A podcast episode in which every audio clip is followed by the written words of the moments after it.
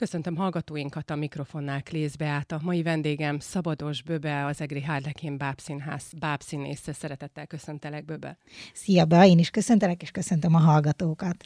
Több őtökkel beszéltem már, és mi a helyes sorrend, nem tudom, mindig csak aki éppen eszembe jut, vagy akit éppen a legutóbbi előadásban látok, és azt tudom, hogy amiért én veled is régóta azért szeretek beszélgetni, mert akár a magánbeszélgetéseinkben, de a színpadon is, ha valaki az én bábszínész ismerőseim között tényleg olyan hangi adottságokkal rendelkezik, amit félelmetesen jól tud használni a színpadon, az te vagy. De nagyon jó hangod van, amivel nagyon jól játszol, nagyon jól artikulálod, és elképesztően tényleg a maximumot hozott ki a karaktereidből. Nem tudom, hogy ezt hallottad-e már valakitől, meg erre a rendezők is mennyire jól éreznek rá, de nekem ez a meglátásom. Tényleg szerencsés vagyok, és nagyon sokféle hangot tudok kiadni. Sok karakternek tudom a hangját kölcsönözni, akár egy darabon belül is. És úgy érzem, hogy itt a Bábszínházban ki is használják ezt az adottságomat, és ezt, ezt nagyon szeretem, mert ezáltal tudok fejlődni, meg a komfortzónából kilépni.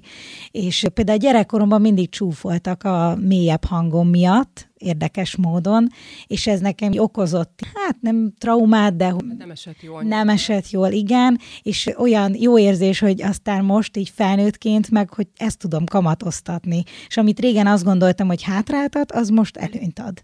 Igen, ez milyen érdekes, hogy amúgy az élet bármilyen területén így van, hogyha valakinek valami gyerekkorban úgy gondolja, mert mondjuk belé beszélik, vagy a társak gondolják, hogy az egyfajta hiányossága, vagy, vagy gyengébb tulajdonság, abból felnőtt korban olyan sok minden ki tud kamatoztatni. Hát nálad az biztos, hogy a hangod, most a rádióhallgatók nem látják, de alkatilag is, meg egy mosolygó, szőke, tehát tényleg a, az édesaranyos szerepekre is alkalmas vagy, én így látom, és nyilván a rendezők is így látják. Hát a hangod az meg varázslatos, úgyhogy most már kifejezetten legyél rá büszke. Nagyon köszönöm.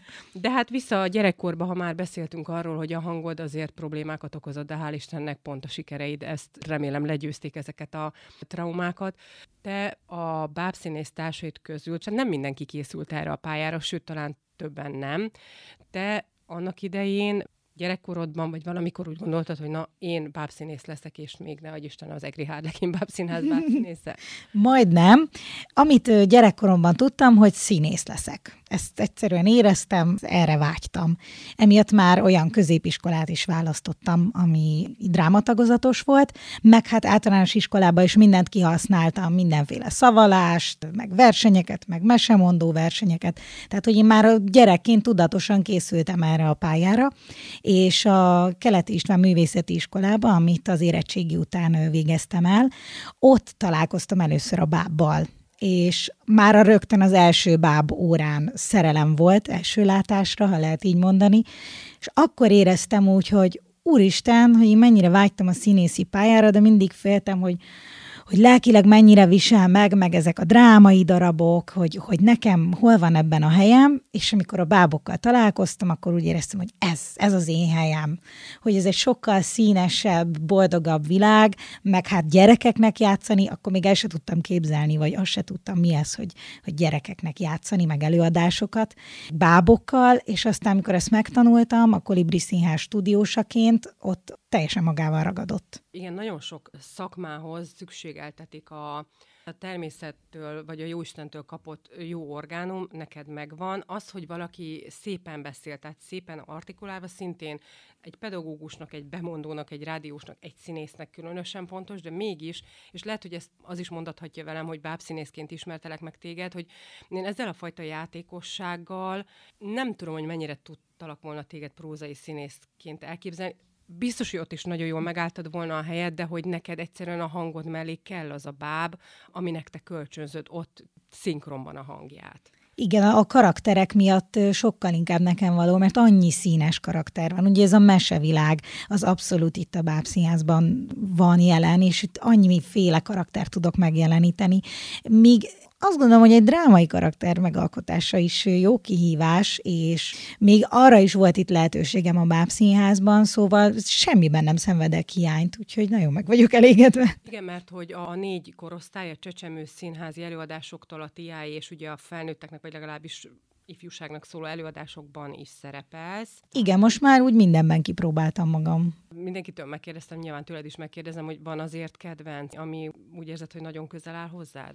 Nagyon nehéz kérdés, de én mindig azt gondolom, hogy amit épp csinálok, az a kedvencem, vagy amelyik új bemutatóra készülünk, mindig az a próba folyamat a kedvencem, vagy igyekszem megtalálni benne a kedvenc kedvencet, de Hát nem tudnék konkrétat mondani, mert például a, a TIA és előadásunkból a stoppot nagyon-nagyon szeretem, és az volt az első ilyen munkám, és nagyon a szívemhez nőtt, de közben meg a boribont is imádom csinálni, ami meg megint egy másik korosztálynak való, inkább ez az ovis korosztály, de amikor csecsemő színházi darabot próbáltam, akkor utána annyira magával ragadott, hogy beiratkoztam az egyetemre kisgyermeknevelő szakra, szóval, hogy teljes mértékben a musicaleket is nagyon szeretem, szeretem, mert az egy másfajta kihívás. szeret? Hát... Igen, most már szeretek, mert idő, hogy nem. volt idő, én zenetagozatos általános iskolába jártam, de hát ott is csúfoltak mindig, és akkor ott sem úgy ment az éneklés, de itt a Bábszínházban sikerült jobban fejlesztenem magam, meg annyi önbizalmat kaptam, meg bizalmat, hogy sikerült egy olyan szintre jutnom így énekileg, amivel már meg vagyok elégedve, és Zádori Szilárdnak is ez nagyon sok köze van. Úgyhogy aki ugye szintén a Bábszínházban társulatvezető, társulatvezető és egyébként zenei, így van, igen. Ő viszi, igen, ő is volt nemrég vendég. Picit előre szaladtunk, mert igen, annyi mindent meg szeretnénk beszélni. A Keleti István Művészeti Iskolánál tartottunk, ahol mondtad, hogy a bábba bele szerettél egyből az első bábórán, és ugye a Kolibri Színházban voltak az első báb előadásaid, amiben már részt vettél, mint gyakorlatos? Igen, jól mondod, meg a Kolibri Színház színészei, Szívos Károly és Török Ági volt, akik tanítottak minket. Ő rendszeresen rendeznek. Akik rendszeresen rendeznek nálunk, bizony ők a mi mentoraink, mindig úgy emlékszünk rájuk, és ők hozták be, akkor emlékszem az első bábokat, az első bábórára gyönyörű bábokat, tényleg készek, igazi műalkotások, és hát én azt hittem, hogy na majd akkor ezekkel fogunk bábozni. Aztán a, azokat csak úgy megnézegettük, ilyen kis ismerkedés volt, és a következő bábórára nem hoztak semmit, és akkor én néztünk, hogy de hát akkor most ez hogy? És mondták, hogy na akkor most mindenki vegyen elő a táskájából valamit, ami éppen van nála, és azzal csináljon egy kis jelenetet. És akkor így teljes megdöbbenés, akkor így a tárgyanimációt tanultuk meg, mint kiderült. Impro, imprózva. Impróztunk, igen, tehát valaki egy csomag sepkendővel csinált jelenetet, valaki egy napszemüveggel, vagy pénztárcával, vagy ami éppen nála Semivel. volt. Fú, én már nem is tudom, talán én is valami szemüveg, napszemüveg lehetett, ami, amit így tudok. Később kendőket hoztak, sapkákat, és akkor ott meg aztán teljesen elszabadult a kreativitás. És nekem ez így teljesen ment, annyira élveztem, hogy a semmiből lehet egy egész előadást készíteni. Szóval amikor már eldőlt a sorsod olyan szempontból, hogy tudtad, hogy akkor a bábszínészet lesz a te utad. Nem volt benned az, hogy na akkor a kolibriben maradni, Pest megyei lány vagy, ahogy nekem a riporter őt elmondta, tehát hogy azért a főváros az epicentrum, a művészvilág epicentrum, hát legalább is mi vidékiek ezt így látjuk. Persze nagyon jó tudjuk, hogy azért az Egri Hárlekinben milyen színvonalas munka folyik, de hogy nem volt benned ilyen, hogy én fővárosi akarok maradni? Érdekes, mert kifejezetten nem volt ez bennem, de persze természetesen nagyon örültem volna, hogyha ott mondjuk a kolibribe adnak egy státuszt, de akkor ez nagyon ritka volt, vagy tudtuk, hogy azért erre nem sok esély van. Mindenképpen szerettem volna a szakmában maradni, azt tudtam. Nem kerültem egyből ide a Harlekin bábszínházba, hanem két évig ilyen utazószínházakban voltam, ahol a bábkészítéstől kezdve a, a mindenféle feladatokon át, a díszítésen át mindent kellett csinálni, és ez nagyon-nagyon fárasztó volt, meg hát nem volt olyan komfortos, mint itt, ahol kezünkbe adják a kézbábokat. Viszont a vizsgám, ami a színész kettő vizsgám volt, azon ott volt Éri Kovács András, aki akkor volt a Harlekin Báb színház igazgatója. És akkor ott megtetszett neki a játékom, és gondolkodott rajta, hogy felvesz a bábszínházba, de nem volt nála sem státusz. Úgyhogy akkor így kerültem az utazószínházhoz, és a későbbiekben, két évvel később felszabadult itt Egerben egy státusz, és akkor azt András felajánlotta nekem. Valami csoda folytán kerültem ide, de nagyon boldog voltam tőle. nem volt kérdés, amikor felajánlották, hogy leszel. Nem volt kérdés, nem, főleg, hogy ugye több volt sulitársam is így dolgozott, tehát a féltársulatot ismertem, tudtam, hogy milyen itt a légkör, meg én jártam ide előadásokat nézni, hiszen pont, hogy a baráti kapcsolatok miatt ide jártam előadásokat nézni, és nagyon örültem, hogy egy ilyen profitársulathoz kerülhetek. Ez nekem teljesen mindegy volt, hogy a világ melyik pontján van, de hát Eger meg annyira közel van a fővároshoz, hogy ez nem, nem okozott problémát. Igen, pont azon is tűnöttem, hogy többőtökkel, ahogy beszéltem, egyikőtöknek sem mondtam, de most jutott eszembe, hogy azért itt a Harlekin társulatának legendásan híres. Azt gondolom, hogy bátran használtam ezt a szót, hogy legendásan a, a társulaton belüli családias, baráti légkör. Tehát, hogy ugye nem egyszer, amikor mentem hozzátok riportra, bent együtt főztetek, együtt ettetek a kis öltözőbe, tehát hogy gyakorlatilag, ha vége van a próbának, akkor is ott együtt vagytok, tudom, hogy átjártok egymáshoz, társasozni, nagyon sok közös program van. A csapatépítő az házon belül, házon kívül is megy, és azért azt gondolom, hogy ez nyilván nagyon jó, és megkönnyíti a munkát, és hogyha az ember nem feszült légkörben dolgozik, mondjuk nem gyomorgörcsel megy be dolgozni, akkor az biztos, hogy magát a színészt is szárnyalni engedi. Hát hogy ne, nagyon jól mondod, hát kreatív környezetben lehet kreatívan alkotni, és az, hogy, hogy tényleg emeljük egymást, segítjük egymást, merünk egymás előtt gondolkodni, kreatívnak lenni, akár rossz ötleteket is merünk egymás mellett mondani, hát ha arról eszébe jut valakinek egy még jobb ötlet, és ez nagyon fontos, ahogy mondod, hogy csapatként tudjunk működni, amihez ezek a igazából nem tudatos csapatépítők, csak kialakult, hogy szeretünk időt tölteni együtt, hogy hasonló az érdeklődési körünk. Nyilván az is fontos tényező szerintem, hogy egy korosztály vagyunk így a többséggel, és így megtaláljuk azokat a szórakozásmódokat, amiben így együtt el tudunk menni, és ezt építjük is, tehát nem bízunk a véletlenre, igenis foglalkozunk egymás mentális egészségével, megkérdezzük egymást, hogy ki hogy van, és ez nagyon fontos, az, hogy egy öltözőben is úgy öltözzünk egymás mellett, hogy, hogy ne feszélyezzen a másik, hogy ki tudjuk ventilálni egymásnak, ha éppen valami nem úgy sikerült, ezáltal lehet előre menni, mert hogyha az ember nem érzi jól magát, vagy egy feszült környezetben van, akkor nem tud kreatívan alkotni. Lehet, hogy vannak olyanok, akik annyira szakma őrültek, hogy valami bánatéri vagy öröm, tehát hogy olyan túl exponált, vagy nem tudom milyen válik, de a színpadra felmegy, lerázza magát, és nem, de azt gondolom, hogy egy ember, mivel emocionális lény, akkor is hatással vannak rá tényleg a környezeti dolgok, és hát ugye Szűcs Réka február 1-től, hát már ezt most úgy mondom, hogy ugye 2023. február 1-től igazgatótok lett, mennyivel könnyebbítette meg mondjuk az életeteket az, hogy nem egy idegen került Éri Kovács András után az igazgatói székbe, hanem ugye a társulaton belülről olyan valaki, akit ismertetek, aki rendezett titeket, bábszínész, sorstársatok, és hát tulajdonképpen így együtt rezdültök szerintem. Így van, hát abszolút megkönnyítette, ezt jól mondod. Azért az, hogy nem a nulláról kellett kezdeni, hanem már volt, volt egy szint, amiről kezdhettük a közös munkát. Az, hogy Réka úgy tervezhette meg az évadot, meg a jövőnket, hogy mindenkit ismert, személyenként is, a bábszínház működését is ismerte, belelátott mindenbe, ott volt már évek óta. Ez egy hatalmas dolog szerintem. Egy, egy öt éves mandátum alatt azért nem mindenre van ám idő. Tehát öt év nem olyan hosszú. Ahhoz, hogy mindenkit egyenként megismerjen, meg felvegye a ritmust, egy idegen igazgató, ahhoz azért eltelik egy-két év, mire a bábszínház már érdemben tud működni.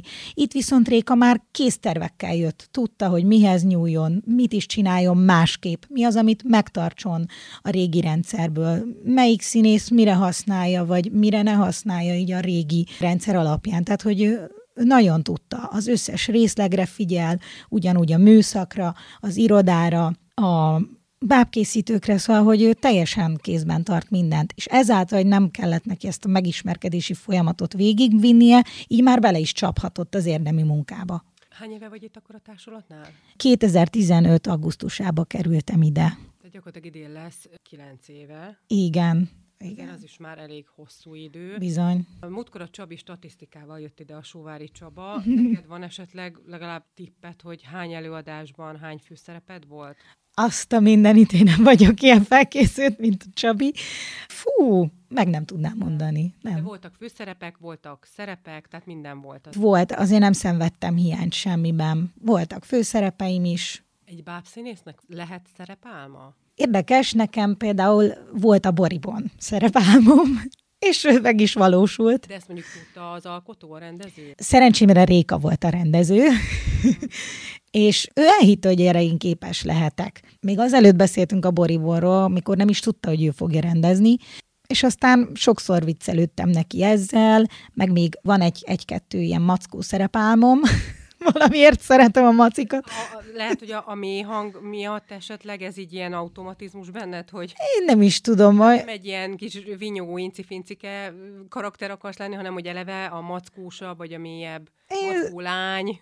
Igen, igen, lehet, hogy ez azért is van, mert megbékéltem azzal, hogy, hogy nincsen olyan naíva hangom, bár itt a bábszínházban még naíva szerepekben is kipróbáltam magam. Sokszor Réka volt, aki meglátta bennem, és ez is nagyon jó érzés. Talán így tudtam elfogadni, hogy mi mindenre használható a hangom, és nem zavar már az se, hogyha fiút kell játszanom, vagy, vagy törpét, vagy kapanyányi monyókot, tehát én ezt élvezem. És a naiva hangnál egy picit tudsz emelni a hangodon, meg hát karaktereknél, meg hogyha amikor egy bábszínész állathangot utánoz, ugye azért ez teljesen más, de hogy lehet egy mély hangot egészen fent. Persze, hát akkor tudok kedvesebben beszélni, vagy tudok akár így is beszélni, vagy... Amikor meg tanultál beszélni, nem tudom, két éves korodban, vagy egy éves korodban, már akkor pörgetted a szavakat, vagy szerinted azért az így a szakmával jött? Szerintem mondtam is, hogy tudatosan készültem erre a pályára, szóval volt, amikor én próbálgattam a tükör előtt, hogy szépen beszéljek. Pörgetted ilyen kis pálcikával, nem, nem, nem, voltak ilyen gyakorlatok. Vannak tényleg, nem, hát én így a tükör előtt, meg anyukám szerint már akkor beszéltem, amikor hazavitt a kórházból megszületésem után, úgyhogy ez volt az első. Bőven egy éves kor előtt volt. Úgyhogy volt időm gyakorlatilag gyakorolni. Attól függ, hogyha olyan a karakter, hogy így pörgősebben kell beszélni, akkor persze gyakorlás az kell, meg könnyen bele gabajodik az ember nyelve, de hát igyekszem. Tehát akkor, ahogy itt most csak a pörgős karakterekről beszélünk, tehát tulajdonképpen ezt a fajta dinamizmust és pörgősséget és optimizmust és jókedvet, amit én látok, tehát hogy te az életben is ilyen vagy mindig? Igen, igen. Jaj, de jó, hogy ezt mondod. De mert így ilyen vagy, hát persze, hát mindig mosolyogsz, tehát nem nagyon láttalak még lekonyult arccal. Jaj, de jó, hát igyekszem, persze nekem is vannak az életben nehezebb időszakok, mint mindenkinek, de igyekszem mindig meglátni a jót, meg, meg a megoldást keresem. De jó. És dolgozom magamon, jó tagja legyek a közösségnek, meg nekem fontos a közösség, a csapat. Amit mondtál, és nyilván nem a gyerekkori rossz élményekre akarom én itt a hangsúlyt fektetni, de vannak, akikben ez azért tényleg olyan mély nyomot tud hagyni. Mondjuk hál' te pont ugye az ellenpólusra kerültél, hogy azzal, amivel bántottak, azzal nagyon jól érvényesülsz, de hogy ha nem is ez, hanem hogy mondjuk a személyiséget tudod, akkor inkább introvertáltabb lenne. Ezt nem tudták tőled elvenni. Ezt nem tudták elvenni, én, én veszekedtem ugyanúgy a mély hangomon a fiúkkal, bár mindig fiúsnak csúfoltak, mert hogy fiús hangom van, de ez engem nem zavart, én kiálltam magamért. Érdekes módon inkább ott jelent meg, képzeld el, hogy nagyon sok hangszál problémám volt. Nagyon érdekes, én is jártam logopédushoz, nem a beszéd probléma miatt, hanem a hang képzés, képzés miatt. miatt. Mert Igen. nem jól csinálhat. Igen, nem jó helyen beszéltem, gyakran elment a hangom, reket voltam, pedig nem is dohányzom egyébként. Mm. Lehet, hogy ez pszichésen is benne volt, vagy lelkileg azért bennem maradt, és ez volt így a sebezhető mm. részem, de hát hál' Istennek ezt is nagyon jól ki tudtam kezelni az évek alatt.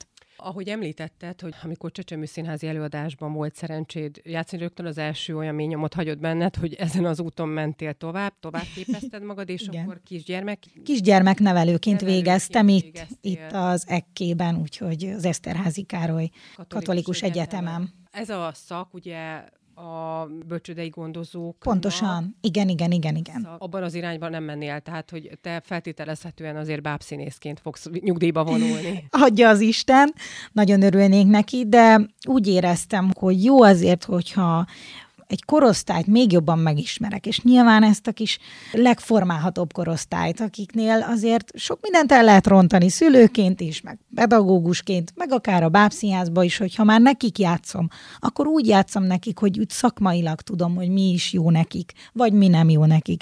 És nagyon csodálatos élmény volt ezt végigvinni, három éves képzést végeztem el, és amikor a gyakorlatokra jártam a bölcsödékbe, hát azok nekem terápiás gyakorlatok voltak, mert azok picik, hát annyira cukik, hogy nem igaz.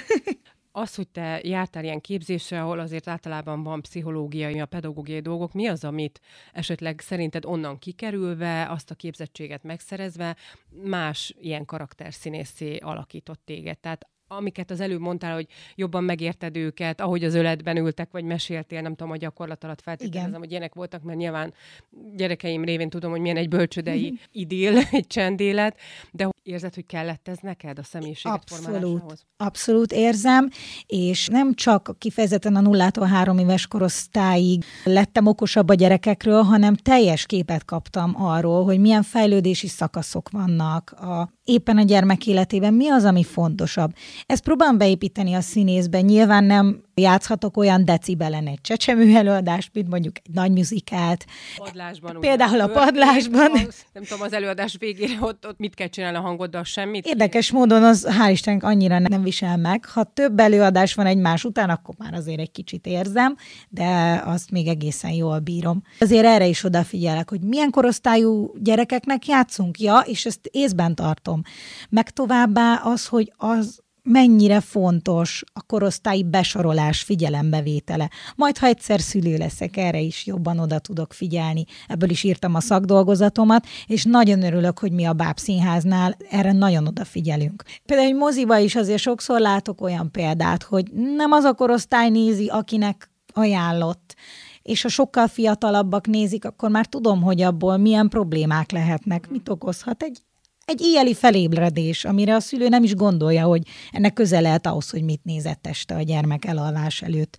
És pont ezért figyelünk a bábszínházban oda, hogy a, az a korosztály jöjjön be, akiknek készült az előadás, és bár ezzel plusz munka van, hogy oda kell figyelnünk arra, hogy több korosztálynak készítsünk előadást, akkor is mi erre nagyon odafigyelünk a fejlődés miatt. Pontosan, meg igen, tehát egy csöcsemő színházi előadásnál nem lehetnek erősek a beszédhangnál, és ugye nem lehet túl ijesztő, csak annyi, amennyit mondjuk egy karakter megkövetel, bár mondjuk az főleg inkább ilyen mondókázósabb, de, igen.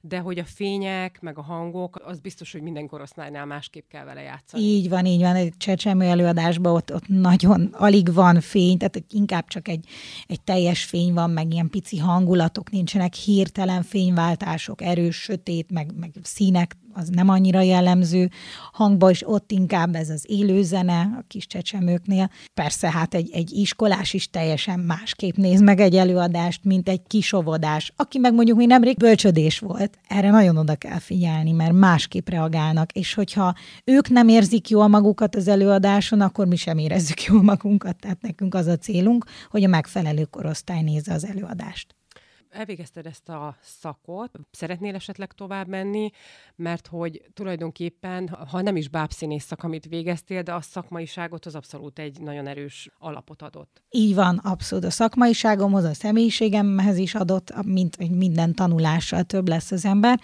Sokszor elgondolkodom, hogy még lehetne valamit még beiratkozni, főleg amíg még van is egyetemi fél évem, ugye, amit ki tudok Igen. használni. Még keresem azt, hogy mi is az, ami, ami igazán érdekelne, meg úgy vagyok vele, hogy ez bármikor lehet, nincs ez korhoz kötve, hogy mikor akar visszaülni az iskolapadba az ember, de mindig találok valamit. Most épp a jogosítványt csinálom, vannak még terveim, akár valamilyen hangszeren jobban megtanulni, játszani, hogy... Játszol valamin? A dobolásba kóstoltam bele, nagyon megtetszett, és szeretnék jobban elmélyülni benne. Hú, nagyon el tudlak képzelni dobolni egy metalika dalt. Nagyon élvezném, és szerintem tök jó stresszlevezető is. Úgyhogy így mindig próbálok fejlődni valamiben, és ez fontosnak is tartom. Nyitott vagyok rá, hogy majd valamilyen szakot, vagy akár neveléstudományi szakot, valamit elvégezzek, de az idő, az idő az mindig nehezítő tényező. Most is éppen próbáról jöttél hozzám ide a stúdióba, ahogy mondtad, a Szegény Johnny és Árnika című előadást újítjátok fel. Igen, ezt 2019-ben mutattuk be, és utána jött ugye a szörnyű Covid időszak, és most elővettük újra, hiszen már olyan régen volt, hogy hát, ha még mások is kíváncsiak rá. Mikben vagy benne, és még miben leszel benne az évadban? Most készítünk nem sokára egy kockás fülű nyulat, amit majd Réka rendez, abban leszek benne, ha jól tudni, hogy mi, vagy még nem? Már kikerült a szereposztás, nagyon izgalmas, mert a kockás fülű nyúl az mindenki neve előtt szerepel, Ez még rejtély övezi, és Vatta Vattelina lesz a karakternevem. Biztosan jó lesz. Rékától már azért megszoktuk, hogy nagyon jól nyúl az anyagokhoz, a gyerekek nagyon szeretik az ő előadásait minden korosztályban, úgyhogy én bízom benne, örülök, hogy bekerültem. Utána majd egy újabb tiá és előadás a Csongor és Tünde lesz, amiben látható leszek. Ott még nem tudom, hogy pontosan mit is fogok csinálni, de már arra is készültünk egy workshoppal, tehát már az alkotókkal közösen elindítottuk a folyamatot, és akkor majd azt fogjuk próbálni valamikor tavasszal. Közben lesz az ágasbogas előadás, koncert, koncert. színház, ez is nagyon izgalmas, abban én nem leszek, de kíváncsian várom, mert ha nem is vagyok benne valamiben, de azért mindig elmegyek és megnézem. Hogyne. Mondtad, hogy már gyakorlatilag mindennel megbékéltél, és hogy a karaktereket, ugye a hangoddal milyen jól tudod játszani, ezt beszéltük, de olyan sincs benned például, hogy mivel ugye gyerek előadásokban vannak a jók meg a gonoszok, van olyan, hogy te a jókat szereted jobban játszani, vagy a gonoszokat? Ú, de izgalmas. Hát nagyon szeretem a gonosz karaktereket. Most már gyűjtöm a boszorkány karaktereimet is, jelenleg kettővel tudok elszámolni, mind a kettőt imádom, és teljesen különböző. Az egyik a szegény Johnny és Árnikában a százarcú boszorkány, a másik a háromágú tölgyfa tündérében, ott egy inkább egy vajákosabb asszony, szerű boszorkány, és... Annyira aranyos vagy, hogy itt közben így mondod, hogy el tudom képzelni a, a, jelenetet a színpadon, mert hogy mondom, tehát elképesztő. Tehát szerintem a, a, a báművészek hangjátékos a címet Magyarországon én neked adtam. Jaj, nagyon szépen köszönöm, hát ez, ez nagyon megtisztelő. Úgyhogy nagyon szeretem a, a gonosz karaktereket is, de azt gondolom, hogy nem az a célom, hogy ijeszgessen vele a gyerekeket, hanem pont azt megmutatni, mutatni, hogy... Hálás ezeket eljátszani. Igen, meg a végén mindig kiderül, hogy valamiért gonoszkodott van, mint ő. ahogy ugye az ember is, és ugye mennyire a pszichológia. Igen, mint hogy az iskolában is azért gonoszkodik veled az a gyerek, mert őt neki bántják otthon, baja, vagy igen. neki a lelki világa, az nem az igazi. És ezért. De nagyon szeretem a cuki, manó törpe jellegű karaktereket, mint mondtam, a Fehér Lófiában volt szerencsém kapanyányi monyókot játszani.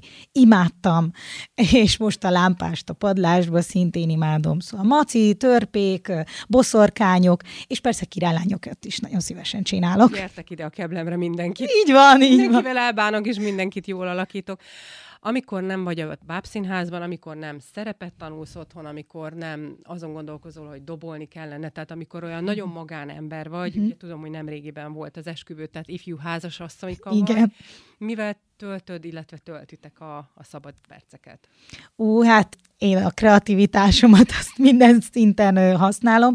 Rengeteg kézműves hobbim van. Tehát a gyertyaöntéstől kezdve a égethető gyurmán át mindenféle alkotást szeretek készíteni, ezekkel nagyon jól le tudom kötni magam is. Ezeket saját kettelésre, vagy ajándékozásnak? Vagy... Így, így. Saját keftelés, ajándékozás, otthoni használat, teljesen, tehát így ezekkel nagyon jól eltöltöm az időt. Meg persze a férjemmel nagyon szeretünk kirándulni, járni, utazgatni, utazgatni felfedezni. Nem vagyunk ilyen otthonülős típusok, hál' Istennek. Én láttam is ilyen kis kreatív bögrécskédet vagy gyertyáidat még a közösségi oldalon korábban. Nem tudok neked mást mondani, mint azt, hogy imádom a hangodat. Ha már most a gyerekeimmel, nem majd az unokáimmal is, hogyha megyek bábszínházba, akkor imádni fogom, hogyha szabados bőbe bármit játszik. Maradj mindig ilyen optimista, ilyen mosolygós, és hogy tényleg az életben mindig találd meg mindenben az örömet és a megoldást. Ez nagyon fontos, azt gondolom. Nagyon szépen köszönöm be. Kedves hallgatóink, lézbe, tehát hallották